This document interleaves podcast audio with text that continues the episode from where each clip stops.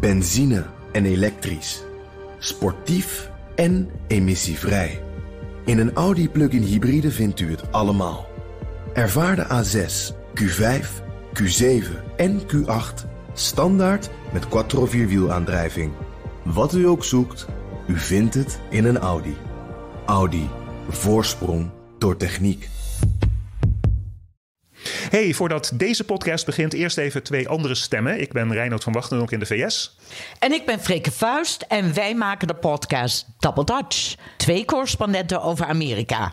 Het is persoonlijk, oh ja, het is opinierend. En als je het nog niet kent en wil uitproberen... Double Dutch op bnr.nl slash podcast slash Double Dutch. En ook op alle andere bekende podcast platforms.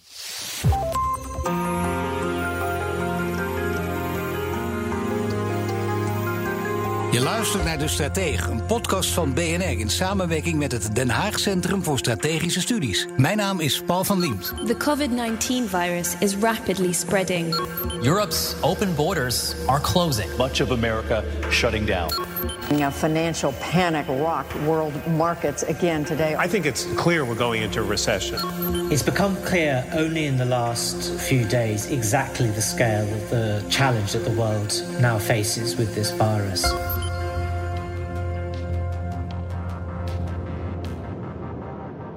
Ons leven staat volledig op zijn kop sinds we te maken hebben met het coronavirus. Grote zorgen hebben we over de zorg, onze gezondheid en de economie, die totaal op slot is gegaan. In de zwaarste scenario's heb je het over een krimp van tussen de 7 en de 8 procent dit jaar. En een enorme oploop van de werkloosheid naar 8 of 9 procent. Maar wat betekent het voor de lange termijn? Zorgt deze crisis ervoor dat de wereld nooit meer hetzelfde zal zijn? Dat bespreek ik in de komende edities van De Strateeg. In deze aflevering kijk ik naar landen waar het normale leven al snel weer doorging. Met radicale en ingrijpende maatregelen hebben ze de verspreiding van het coronavirus in ieder geval voorlopig de kop in weten te drukken. It's actually getting much better. The most affected province in China is going to ease travel restrictions. Another province is supposed to reopen schools. Travelers are going to be able to, to start traveling on the trains again. En dat kan op bewondering rekenen in het Westen, ook van Nederlandse politici. Zou het niet toch heel verstandig zijn, intelligent zijn, om even te kijken naar: hé, hey, wat hebben ze in Singapore eigenlijk gedaan? Wat doen ze in Zuid-Korea? Hoe pakken ze het aan in Hongkong? Gaan we de methode van landen als Singapore en China dus ook gebruiken in de toekomst? Kan dat wel in een liberale democratie? Dat is waar mijn gast over nadenkt. Krijg je een, een sms'je van de politie, waarom ben je buiten die quarantaine? Dus ze gebruiken dat ook echt om gewoon mensen echt op de plek te houden waar ze moeten zijn. Paul Verhagen, data-analyst bij Den Haag Centrum voor Strategische Studies. Waar ik mee bezig hou is aan de ene kant uh, dingen meten als echte data scientist. En aan de wat meer kwalitatieve kant is de interface tussen macht en data. Bijvoorbeeld landen als China gebruik kunnen maken van big data, surveillance en dat soort zaken om hun land te besturen.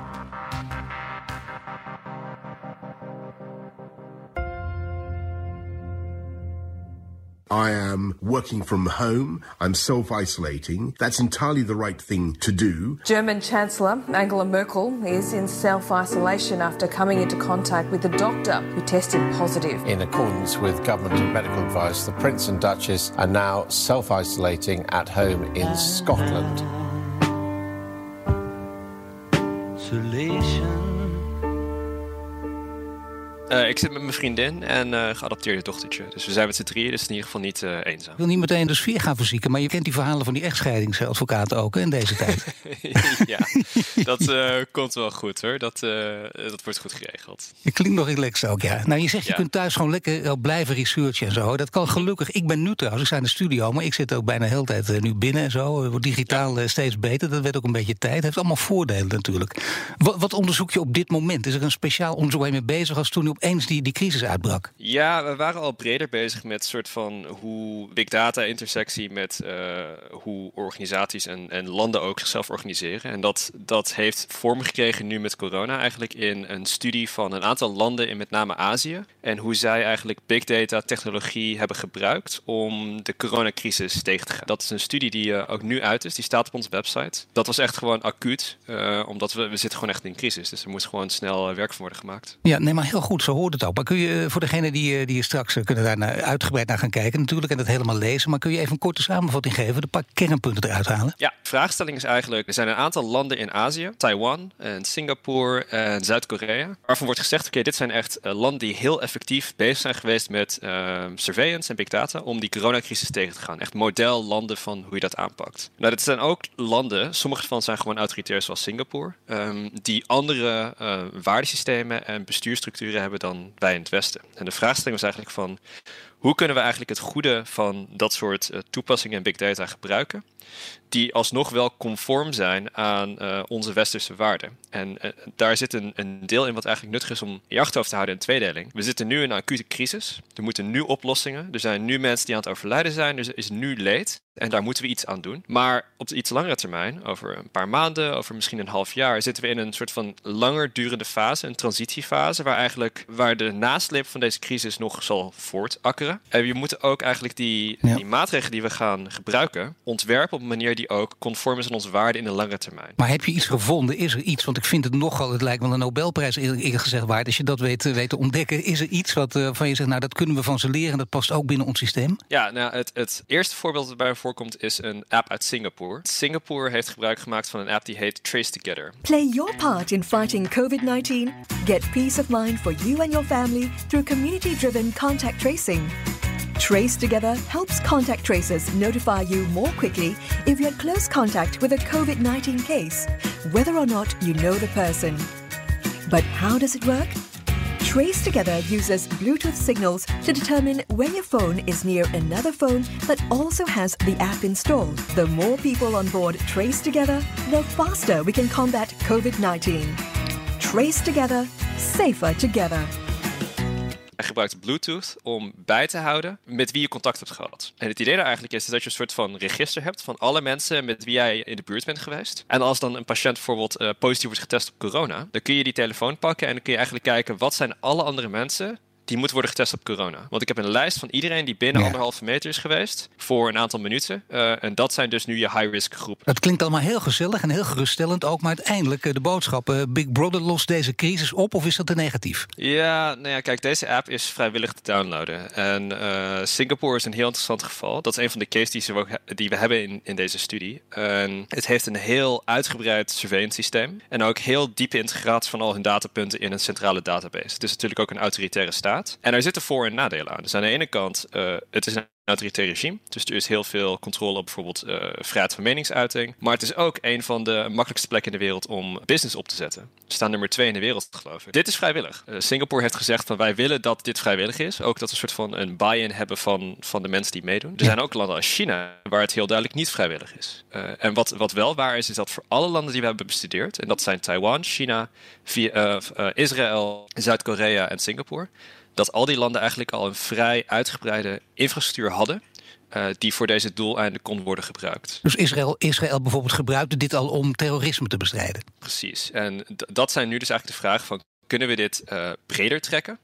En gebruiken voor andere doeleinden dan terrorismebestrijding. En dat gaat dan allemaal over de national security type dingen. Uh, dus Taiwan bijvoorbeeld heeft besloten om een aantal datasets die ze los hebben, dus bijvoorbeeld je uh, immigratiedataset en je reisdataset, om die te mixen met hun uh, nationale gezondheidsdataset. Dus zodra ze een geval hadden van corona, konden ze ook precies zien waar die personen zijn geweest, waar ze hadden gereisd.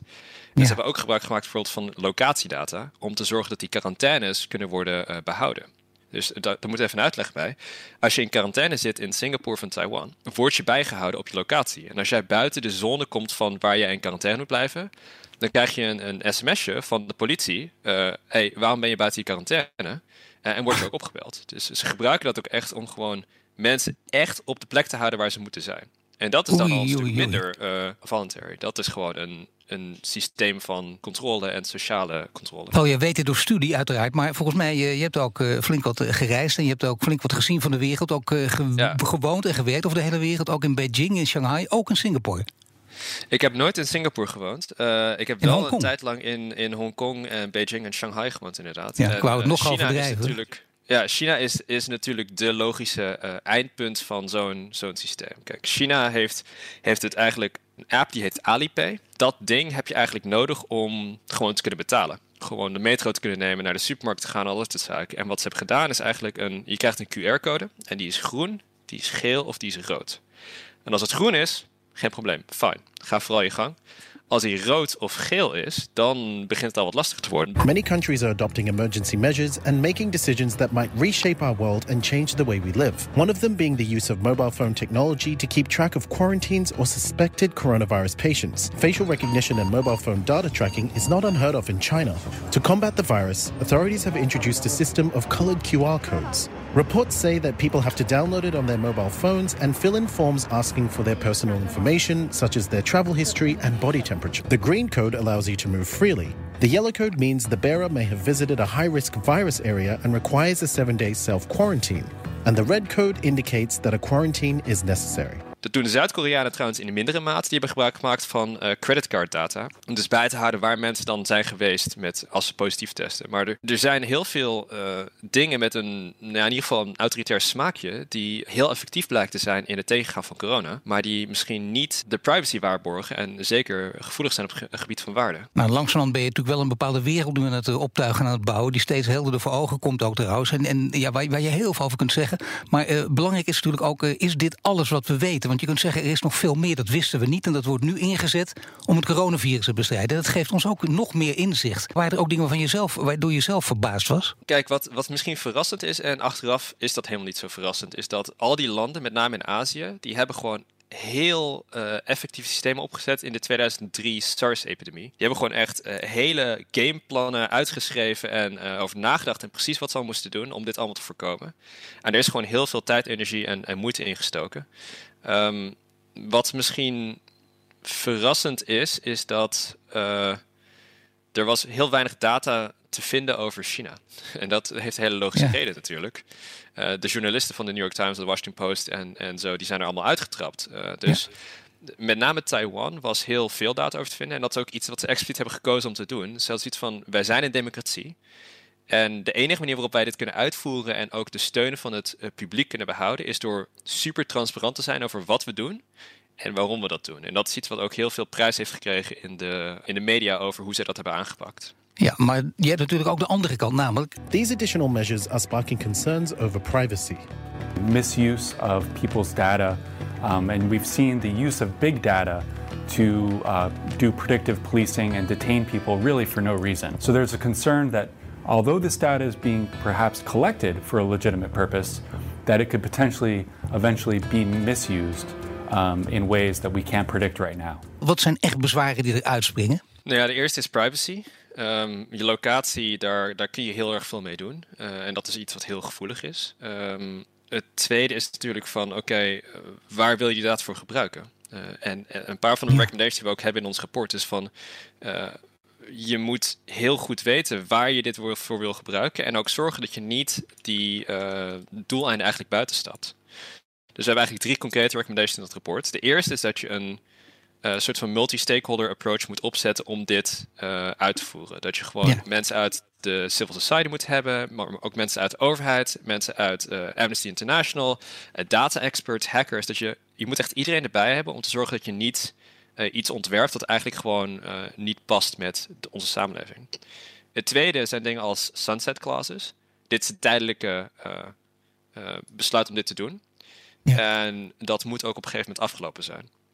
Tenzij wordt besloten dat het dusdanig nuttig is dat we ermee verder moeten gaan. Maar het zou niet een permanent ding moeten zijn. Uh, en het derde is dat je uh, bepaalde verantwoording moet kunnen afleggen. Dat je moet weten waar die data voor is gebruikt. Uh, en dat moet ook retroactief kunnen zijn. Dat je ook nu, nu hebben we dat ding nodig. nu moeten we eigenlijk alles doen wat, wat kan gebeuren om die crisis tegen te gaan. Maar daar moeten onze waarden nog wel bij, bij, bij horen. En dat moet ook gewaarborgd worden. Ja, ik las een, een nog extreem voorbeeld in de Financial Times over Noord-Korea bijvoorbeeld. Uh, zouden, ze zouden in de toekomst kunnen zeggen: zo'n biometrische bracelet, uh, 24 uur per dag. Dan krijg je bijna het idee, hè, als je mensen zo gek krijgt en ze zijn zo bang, doen ze het misschien. Krijg je bijna het idee wat wij hier bij gevangenen gewoon hebben met de elektronische enkelband.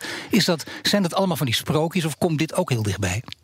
Nou, dit komt dus wel gewoon vrij dichtbij. Dit is wel een moment waar we moeten nadenken over van... De meeste mensen zullen pro zijn als je het hebt over... we gaan dit alleen gebruiken om corona tegen te gaan. Maar er zitten ook hele andere dingen aan, zoals algemene publieke gezondheid of zelfs economische dingen. Uh, je zou heel veel data kunnen gebruiken, namelijk om te zien van wie heeft het nou echt moeilijk in deze crisis. Waar zijn de regio's in het land waar nou echt heel veel steun nodig is? Je kunt meer data is meer weten. En dat betekent meestal dat je beter beleid kunt voeren.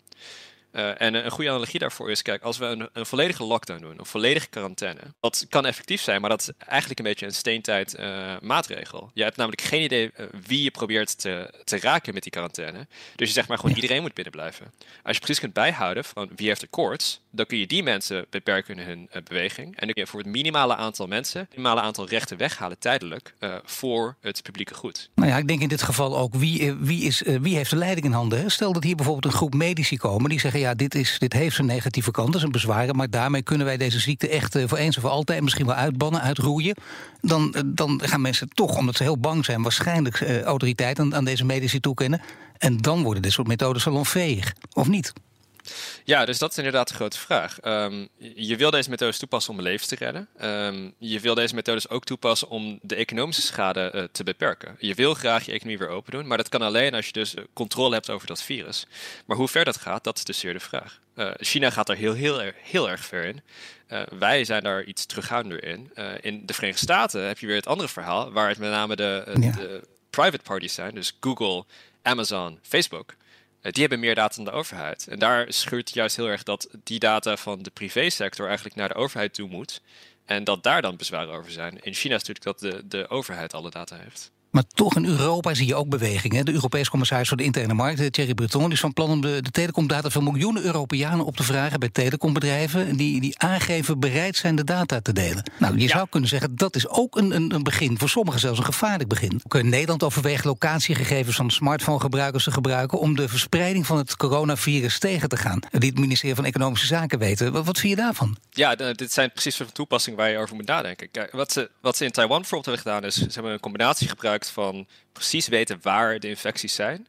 En aan de hand daarvan kun je dus voorspellen waar je uh, IC-bedden nodig hebt. Uh, en dat location hotspot, een soort van infection hotspot, lijkt dat dit is waar ze uh, wat ze willen doen. Dat is dus geanonimiseerde en geaggregeerde data. Dat is dan één stap verder dan, of één stap minder dan wat bijvoorbeeld de Singaporeërs hebben gedaan met dat uh, individueel bijhouden van je quarantaine.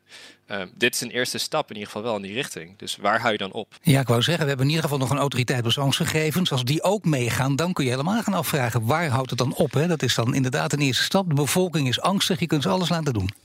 Ja, en je moet je ook afvragen, er zit een verschil tussen uh, mensen een app laten downloaden dat vrijwillig deze data geven en het ja. van de telecomproviders afhalen. En daar zitten zeker op een wettelijk niveau zitten heel veel verschillen tussen, maar ook op een soort van publieke legitimiteitsniveau. Uh, de meeste mensen zullen gewoon zeggen van oké, okay, ik snap dat dit nodig is nu, maar of de volgende stap dan ook nodig is en geaccepteerd is, dat is dan wel de vraag. Maar in Italië gebeurt het toch al, tenminste, jij weet het beter dan ik hoor, maar volgens mij de overheid houdt mensenstroom in de gaten, dat, dat ja. doen zij daar toch al nu, hè, na de lockdown. Nou ja, kijk, een, een quarantaine is al een, een, beperking op je rechten, namelijk je recht van uh, mobiliteit, van beweging. Uh, dat zijn we bereid om op te geven. Uh, ook het, het, recht op samenkomen, dat hebben we ook al opgegeven nu. welke rechten zijn er nog meer? dus je komt tegen een soort van hiërarchie aan. Het, het hoogste recht zou je kunnen zeggen, dat is waarschijnlijk het recht op leven. Ja. Nou ja, al deze maatregelen die we nu mogelijk gaan nemen. Nou ja, dat je al zegt waarschijnlijk het recht op leven. Hè? Dat bedoel, dat hadden we een paar jaar geleden toch ook niet gedacht. Nee, nou, daaronder zit vrij snel uh, uh, recht op politieke uh, meningsuiting. Dat hangt een beetje van je cultuur af en hangt een beetje vanaf van, van waar je zit. Maar hoe ver zijn we bereid om daarmee te gaan? Kijk, Als de overheid je ook... benadert, hè, laten we het op Nederland toepassen. Zijn, zijn bedrijven ja, bereid om, om naar deze dingen mee te werken? Laten we zeggen bedrijven als KPN, Vodafone Ziggo, de grote spelers? Ik weet niet precies hoe dat in Nederland werkt, maar waarschijnlijk wel uh, als dat legaal is. En onder de GDPR, wat natuurlijk het, het belangrijkste deel is van onze dataregulering, is ook een bepaalde clausule die zegt als dit in de noodzaak is voor het publieke goed, dan ja. kan de GDPR tijdelijk worden opgeschort. En dat is, dat is wel de situatie waar we nu in zitten. Ja, dat zijn wel van die teksten. Een KPN-woordvoerder heb ik dit citaat van... we zijn nu aan het bekijken of de Nederlandse overheid er behoefte aan heeft... en hoe wij dat binnen de geldende privacywetgeving... eventueel zouden kunnen faciliteren. Nou, dat is vaak uh, een beetje wollige taal... maar wel een soort opzetje natuurlijk een bepaalde kant op. Ja, dat is zeker het geval. En um, ja, waar ga je dan heen? Uh, wat, wat ben je bereid om te accepteren? Wat ben je bereid om, om mee te doen? Uh, zoals ik zei, meer data is eigenlijk hoe dan ook nuttig. Uh, maar daar, daar zit wel een kost aan. Je luistert naar de Stratege en ik heb het over de lange termijn gevolgen van de coronacrisis met Paul Verhagen, data-analyst bij Den Haag Centrum voor Strategische Studies. The spread of the coronavirus, COVID-19, has been a major shock to the growth prospects of the global economy and the euro area economy. The storm is upon us. The COVID 19 disease that has devastated China, Italy, and Iran is about to hit many other countries with full force. But the economic damage is already here. We are starting now to see the data of just how bad the economic damage is. And it doesn't come just from the disease, but from the measures governments are forced to take to stop its spread. They have taken draconian measures in one country after another in order to stop people from being physically near each other and from socially interacting. But this means that swathes of the economy are being shut down. And we are looking now at a downturn at least as big as in the global financial crisis, and very probably quite a lot larger and deeper. We zitten in een heel raar verhaal eigenlijk, waar we hebben het over een recessie of zelfs een, een depressie, maar we zitten eigenlijk in iets wat er wel op lijkt, maar een soort van nou, medisch coma voor onze economie. Er is, er is niet echt structureel iets mis, afgezien van dat we... Uh, kijk, we hebben mensen die niet kunnen werken, maar we willen ook helemaal niet terug naar werk gaan, want dan verspreiden ze die ziekte. we zitten eigenlijk in een, een fase waar we tijdelijk alles stilleggen. En dan komt de vraag wel op van oké, kunnen we misschien wat uh, hier en daar wat sleutelen aan de economie voor, uh, voor wat hierna komt? Uh, om terug te gaan naar wat hiervoor was. Dat, is misschien niet de beste oplossing. Nou ja, er zijn mensen die nog steeds roepen uh, business as usual over twee maanden. Maar dan, dat lijkt me, als ik eerlijk ben, toch wel ongelooflijk naïef. Ik heb daar betwijfels over, ja. Um, en kijk, in Nederland hebben we over het algemeen hele goede internet. Maar uh, stel dat we dat niet hadden. Dan hadden we nu echt een probleem. Het, het, is zelfs misschien een beetje verbazend hoe goed het eigenlijk ja. allemaal nog werkt als we allemaal ons huis niet uit kunnen. Maar ja. in de VS heb je veel, veel grotere verschillen tussen uh, plattelandsgebieden en stedelijke gebieden. Uh, dus dan is het ineens van oké, blijkbaar moet die digitale infrastructuur wel worden opgezet. Iedereen werkt nu van huis, iedereen werkt nu met Zoom. Um, dat zouden permanente dingen kunnen zijn als deze crisis lang duurt. Kijk, als we morgen allemaal weer terug naar werk kunnen, dan zullen we waarschijnlijk terugvallen in ons oude gedrag. Maar als dit zes maanden duurt, als dit een jaar duurt, dan zul je echt permanent vervormingen zien aan hoe wij eigenlijk ons dagelijks leven doen. En hoe ja, maar het is toch een overweldigende ervaring. Hè? We, we voelden ons altijd onkwetsbaar, met name in het Rijke Westen. En vooral in dit deel van Europa waar wij eh, met elkaar praten. En nu gebeurt er iets waar we allemaal op een of andere manier mee te maken hebben. Dat kun je niet zomaar wegpoetsen. Hè? Dat is natuurlijk wel een enorme impact. Nee. En kijk, voor kinderen die nu in school zitten, dit is hun 9-11. Dit is het ja. moment dat de hele wereld ineens gewoon drastisch veranderde. En waarschijnlijk ook op een permanente manier. Uh, nou, hoe plus dat, dat, dat de kinderen die nu thuis zitten, sorry dat je onderbreekt, maar dat is het grote verschil met 9-11. Dan was het toch nog wat ver weg. En enge beelden allemaal, maar je had er niet direct mee te maken. Die kinderen hebben er nu wel direct mee te maken. Precies, en we zitten ook nog maar aan het begin van deze crisis. Dus dit, dit gaat niet uh, binnenkort over. En, en de lange termijn gevolgen, de lange termijn golven van dit hele effect, die gaan nog veel en veel verder toe, door. Denk maar even na over uh, wat gebeurt er nu als we die, die datatechnologie toepassen hier in, in Nederland. En wat gebeurt er dan ja. als ineens de Chinezen hierin komen en zeggen van hé, hey, hey, dat 5G Huawei verhaal, uh, wij kunnen je best wel helpen met, met die quarantaine opzetten. Uh, dan ja. wordt die, die besluitvorming, die geopolitieke besluitvorming ineens heel erg anders. En dat zijn echt dingen waar je in de lange termijn echt over moet nadenken. Van oké, okay, hoe, hoe gaat dit naar voren toe? Hoe, hoe ontwikkelt zich dit? Wat zijn onze grondrechten? Wat zijn onze randvoorwaarden aan wat we bereid zijn om te doen? Nou, ik ben ook een beetje bang eerlijk gezegd voor de, voor de efficiency. Het woord dat we steeds horen, heel goed natuurlijk. Maar ja, we kennen ook de voorbeelden van uh, werknemers die uh, gevolgd werden, jaren geleden al, in bepaalde bedrijven. En uh, die moesten op het eind van de dag bij de baas komen. En toen werd er tegen ze gezegd, ik zeg het in heel simpele woorden nu even, voor het gemak. je bent vandaag vier keer naar de wc geweest. En kijk eens even wat het allemaal kost. Dat is vier keer vier minuten. En uiteindelijk krijg je minder uitbetaald. Kijk, dat efficiënte werken. En je kunt het helemaal onder controle houden. China heeft dat beter bekeken dan wij. Is dat ook alleen maar uh, ja, lelijke toekomstmuziek? Of denk je dat het ook in Nederland toegepast kan worden? Dat kun je wel afvragen. Ik bedoel, uh, veel bedrijven werken ook met billable hours. En dat is ook een soort van nou ja, panoptisch complex waar je altijd moet nadenken over waar je ben je mee bezig. En dan, dan kom je op een gegeven moment in een, een idee terecht van... oké, ik heb 15 minuten met een collega koffie gedronken. Uh, kan ik dat ergens onderschrijven als, als een billable ding? dus in, op een bepaalde manier... Ja zitten we daar eigenlijk al met die efficiëntiementaliteit. Op andere manieren, kijk, we zitten niet meer in de trein. We zitten niet meer te, uh, te reizen de hele dag. Dus dat scheelt dan wel weer heel veel tijd.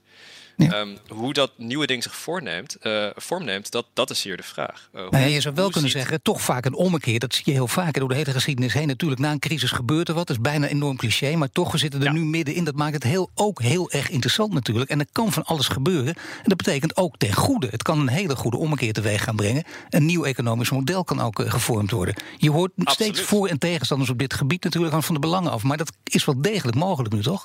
Absoluut. Ja, kijk, die hele ZZP-cultuur en Uber Eats en die gig economy, dat komt ook voor een deel uit de financiële crash van 2008. Uh, daar hebben we nu dan problemen mee, omdat die mensen dan zonder werk zitten. Maar uh, grote meta-veranderingen in hoe je je economie opzet en hoe je samenleving eruit ziet, die zijn te verwachten.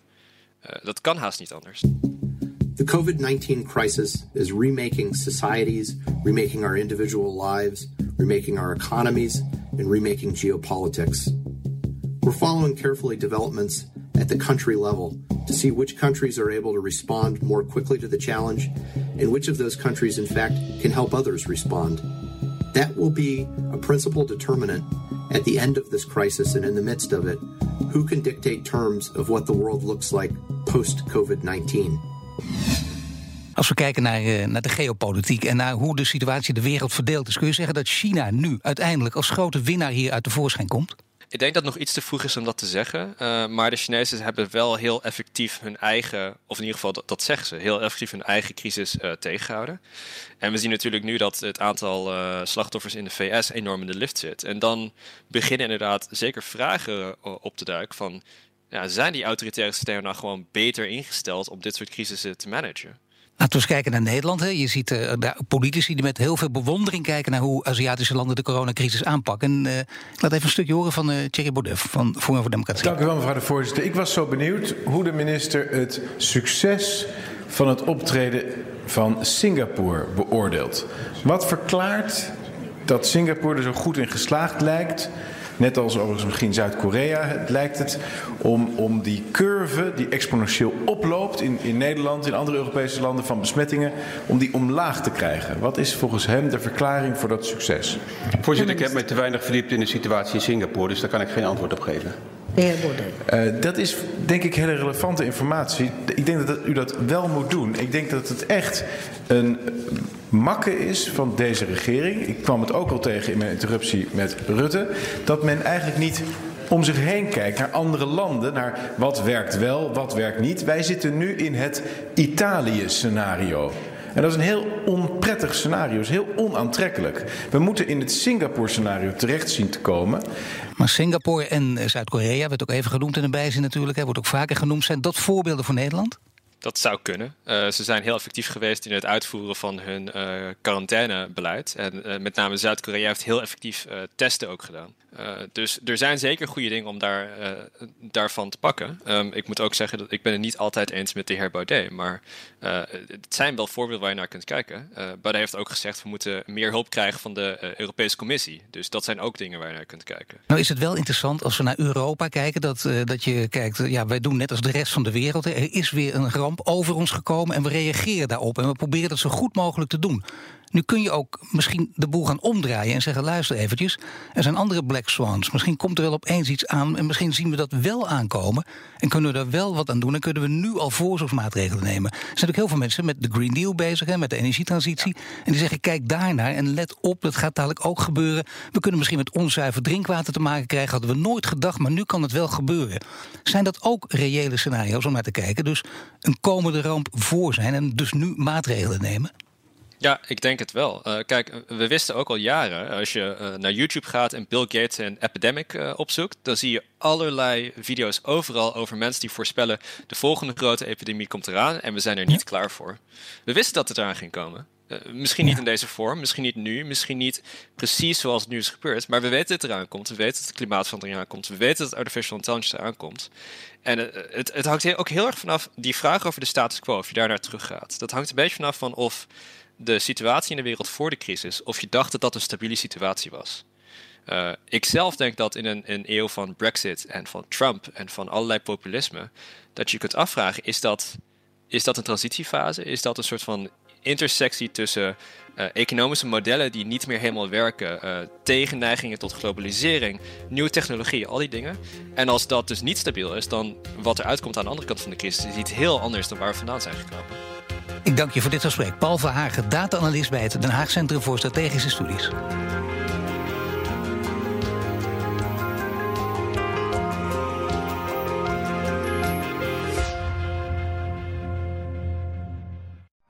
Benzine en elektrisch.